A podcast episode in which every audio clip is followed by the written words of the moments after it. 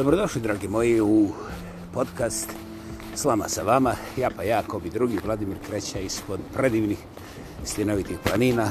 Danas je, evo, prvi od drugog mjeseca ove godine i temperatura je prihvatljiva, Bože moj. Nema ništa ljepše od toga, a eto mali podsjetnik, ovo je 92. put da smo skupa u ovome okviru. Dakle, po čemu ćemo danas? E, ja sam nekako ovaj, razmišljao otkuda ili koji je to perverznjak smestio dan ljubavi, taj Valentine's Day, usred smrznutog februara i još uvijek razmišljam, pa ćemo to ostaviti za malo kasnije. A sada, pošto sam primijetio spajkove na ovim lokalnim glasilima, to je ono kad se dešava ne baš regularne stvari. Naime, broj umrlih ljudi, barem u mome Kravogradu, ovih zadnjih nekoliko dana je porastao, a broj zaraženih se smanjio.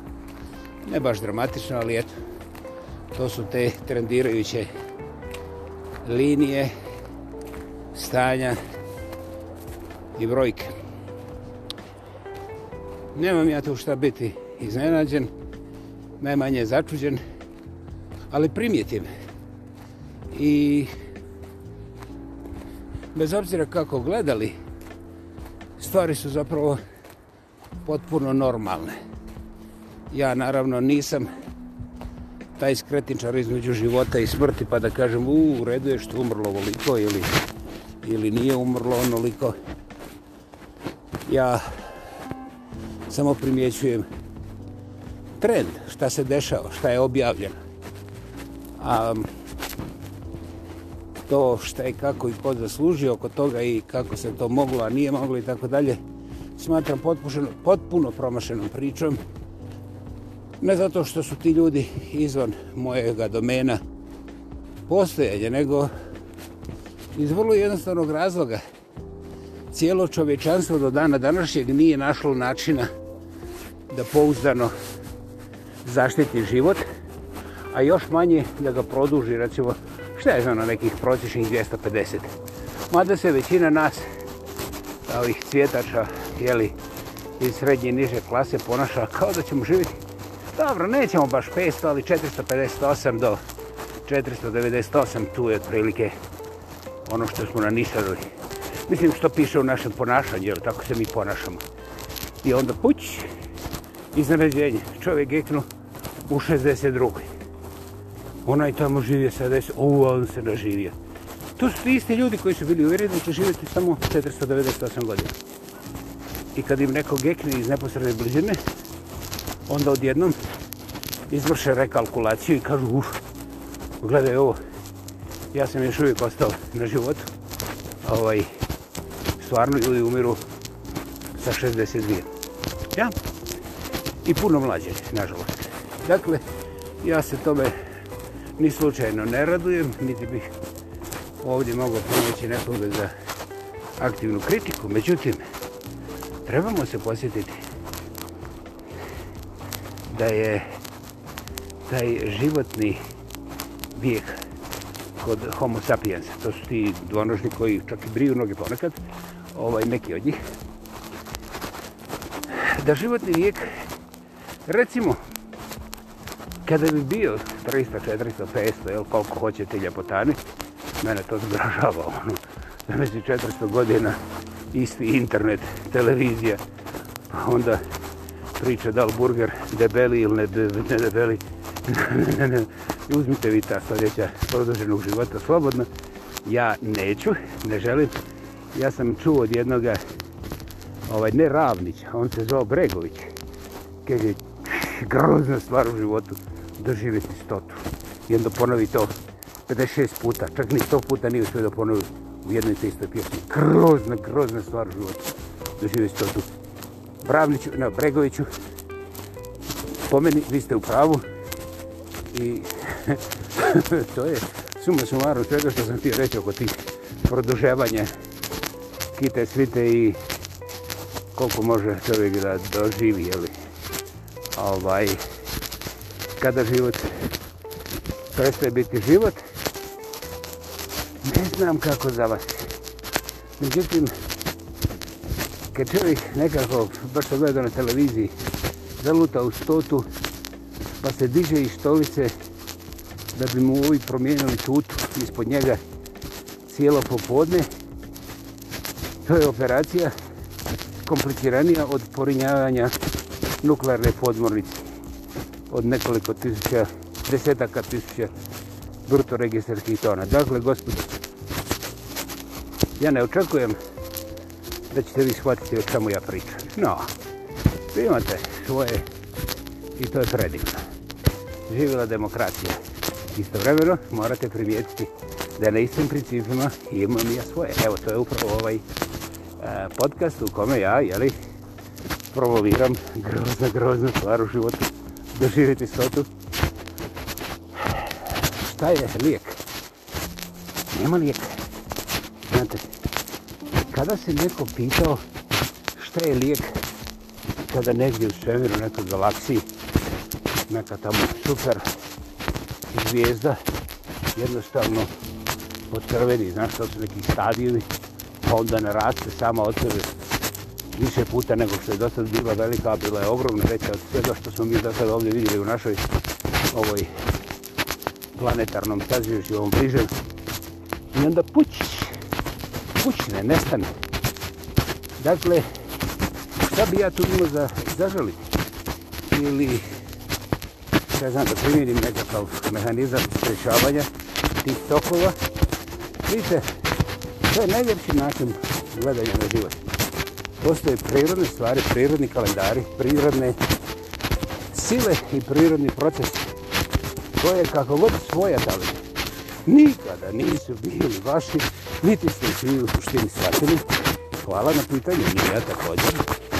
Ovaj, nije da se s tim ponosim, ali sam istinski ponosan što mogu razumjeti da vjerovatno veći dio ove stvarnosti univerzumu u kojem živimo ja u stvari pojma nemam da postoji.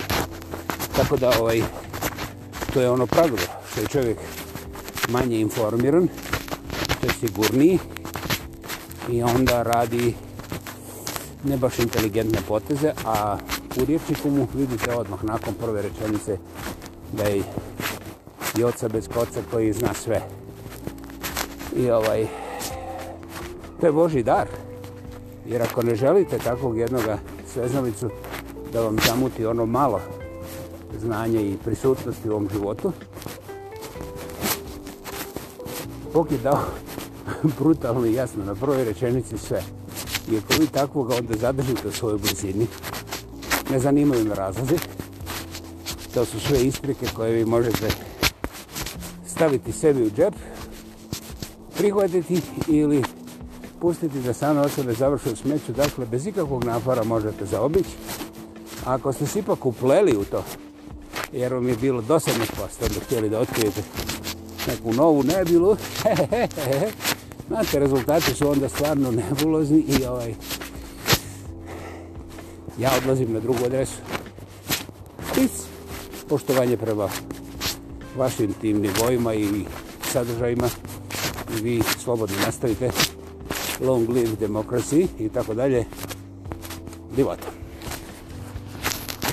Principi koji nam u životu najviše pomažu, koji su zapravo najmoćniji i koji ne zahtjevaju puste fakultete, doktorate i ne znam kakve već knjige debele i koliko decenija izučavanja. Svi ti, ja ih vrlo rada nazivam Bogom dani principi, znači prirodom, izvolite, sami izaberite. Možete ga zvati Budom dani principi. Slobodno, izaberite. Ali je činjenica da ti najmoćniji principi izgradnje, održavanje i uživanja naše egzistencije su potpuno besplatni i potpuno jasni i potpuno pošteni. I znaš šta? koštaju ništa uvijek. I moja baka je umrla 78. godine u jesen. I ona je meni rekla Is that dangerous animal? No. I can see. It's very, very dangerous. It's so dangerous. It targets me. See? Can I now call police? Yeah, that's okay. I just try to train her that to not approach people. Oh, it's young.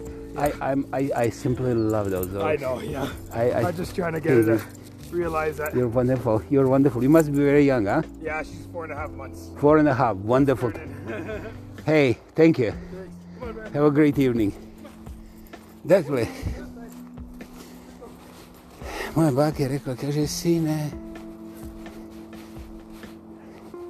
ništa nije vrijedno tvoje molitve ako se novcem da kupiti.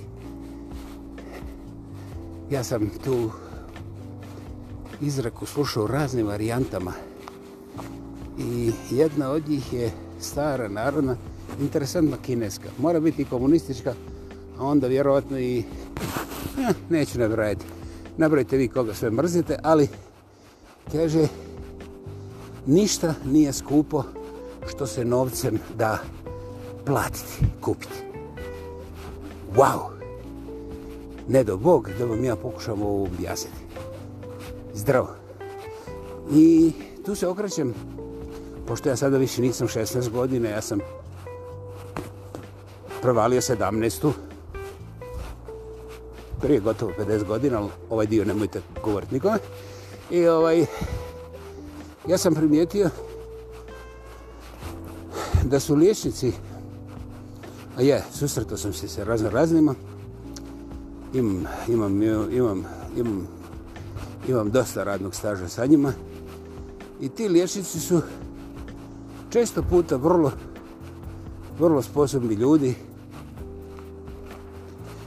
koji su zatvoreni u sistem i kako god okreneš, kako god im se žališ ili šta im god kažeš, oni imaju otprilike nakon 5 sekundi što si ušao kod njih ordinaciju, on zna, aha, prošlog mjeseca si išao na krv, na mokraću, mjeri tlak, ok, sad ćemo izmjeriti samo temperaturu, porazgovarati, aha, šta si mu dao, dao si mi ove ovaj lijekove, je li bilo reakcije, ne vidim ništa, sad mi još gore, ok, onda ćemo obrisati ove, dodat ćemo nove, tako da svaki put kad poslijem, posjetiš liječnika u današnje dobu u ovim razvijenim krajima gdje ja živim, dobiješ rečicu bombončića ovaj, ove farmakološke industrije i obećanje da će ovaj put raditi. Nema veze što se prošli put sa onim bombončićima, to jest farmakološkim poklončićima zalutao na sasvim sporedni kolosek i razvio potpuru novu bolest. Ne, ne, ne, mi ćemo to prekinuti kad te damo ovu novu, ovaj, ne bolest, nego bombončiće, te farmakološke, onda ćeš ti sigurno doći na kontrolu potpuno nov, vjerovatno mlađi, a ne odoljiv. I onda gledaš, mislim, kakva je razlika među ovoga gospodina, novi, ovoga liječnika i ovoga propovjednika ili uh, tog ataše za kulturu, unutar našeg ili njihovog politbiro. Ne, ne znam, važno je da su kinezi krivi za sve. Jesu, jesu, kinezi i rusi 100%, jer da su oni dali prave ove, mislim, reakcije, onda bi naša zapadnička farmakologija 100% napravila nepogrešuju lijeku. E, to je to. Znači, dogovorili smo se. I onda nakon pjutkanja tih lijekova koji su joj Bože moj, svakakvi čovjeku, pa čak i meni, dođe nešto ovako, neki vjetar, lijevi, desni, srednji, ne znam kakvi, i ja kažem, halo, mogu li ja pokušati nešto što je radila moja baka? Kao, na primjer, post.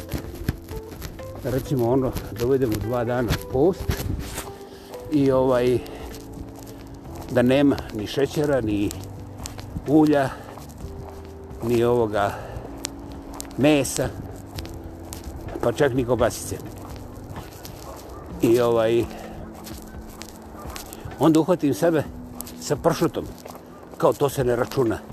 Međutim, kad sam najzad nakon 10 godina uspio da primijenim to samo post, ono, voda, možda čaj, bez šećera i ovaj put bez, bez pol kile pršuta prije podne, jel? odjednom se primijeti. E, i to što sam primijetio, nije tuga i bijes što nisam već malo gricno toga pršuta, već primijetim da se lakše diše. Ovaj, I ne moram nikome ništa objasniti. I onda primijetim da stvarno nakon dva dana toliko soli ovaj, dosta, dosta lošeg čini u čovjekovom zdravlju. Pogotovo kad imaš više od 17 godina. Eto. I onda izbacim i to. I evo, moj paket kod moga liječnika sad je tri puta manji nego prošle godine. Da li sam ja htio da vas savjetujem da učinite nešto tako? Ma ne, do Boga. Vi isto posto znate da je to nečija podvala, vjerovatno kineska, može biti komunistička. A pa ako slučajno ne odete kod svoga liječnika, mislim, onda su 100% posto pobjedili komunisti. Dakle, ni slučajno vam ništa ne govorim kontra vaših liječnika, ali eto primijetite, ja ću ponoviti, da primjena nekih bakinih recepata i kako ima ne samo smisla, nego ima vrlo, vrlo moćnih vrlo, vrlo moćnih učinaka. I ovaj, to je provjerano. A, najozbiljnije, ne napuštajte svoje liječnike. Ja nisam ni slučajno rekao da su oni glupi. Oni su također žrtve unutar sistema koji ima umjesto jeli, partije i velikog lidera ima svoju AstraZeneca ili Biotech ili šta je znam kako im se zove korporacija koju moraju da slijede. I oni tako prave kruz za svoju familiju. Vi pravite svoj kruz na svoj način, ali ne odustajte od liječnika i pokušajte primijeniti neka od ovih potpuno besplatnih pravila koje su koristile naše bake. Vidit ćete ne samo moć blagoslova, nego i ljepotu boljeg i zdravijeg života. Hvala. Bio je to Vladimir Kreća sa predivnih stjenovitih planina u 92. podcastu Slama sa vama, ja pa ja, ako vi drugi. Ćao, bao i čujemo se čim prije. Hvala.